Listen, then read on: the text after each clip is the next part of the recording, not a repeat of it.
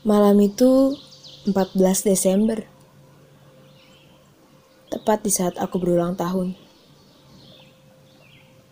Bintang berterbangan di atas langit malam. Gelap dipecahkan oleh cahaya-cahaya bintang yang bergelora. Berkelap-kelip, saling bersahutan di atas sana. Orang-orang biasa tak akan bisa mendengar mereka karena mereka berbicara bahasa bintang. Entah,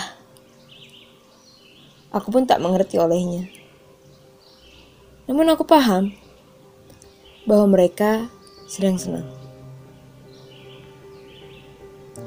Gelap jauh di sana, aku tiba-tiba mendengar suara. Suara samar-samar, namun aku familiar.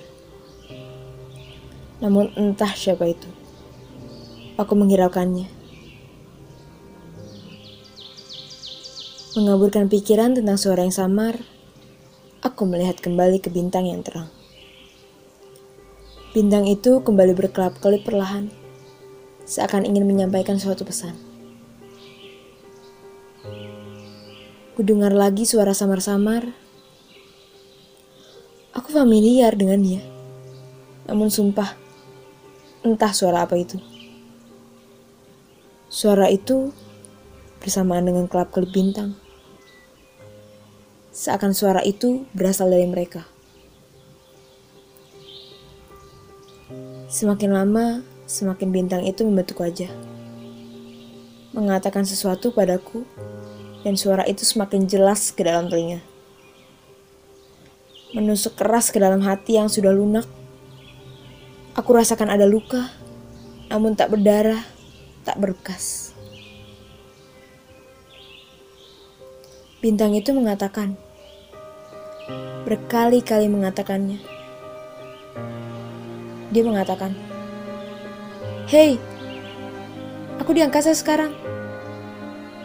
Aku terbang di angkasa. Impianku kini nyata. Aku tahu suara itu. Aku tahu. Itu dia. Suamiku tercinta.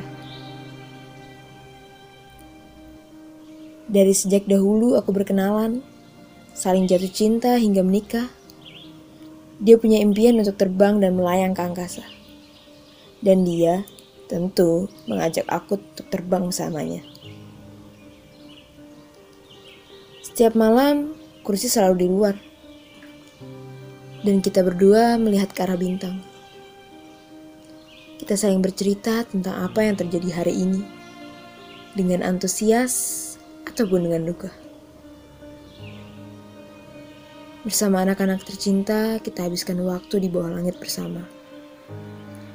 Kini, anak-anak sudah besar, dan entah, mereka tak pernah lagi menghubungi kembali.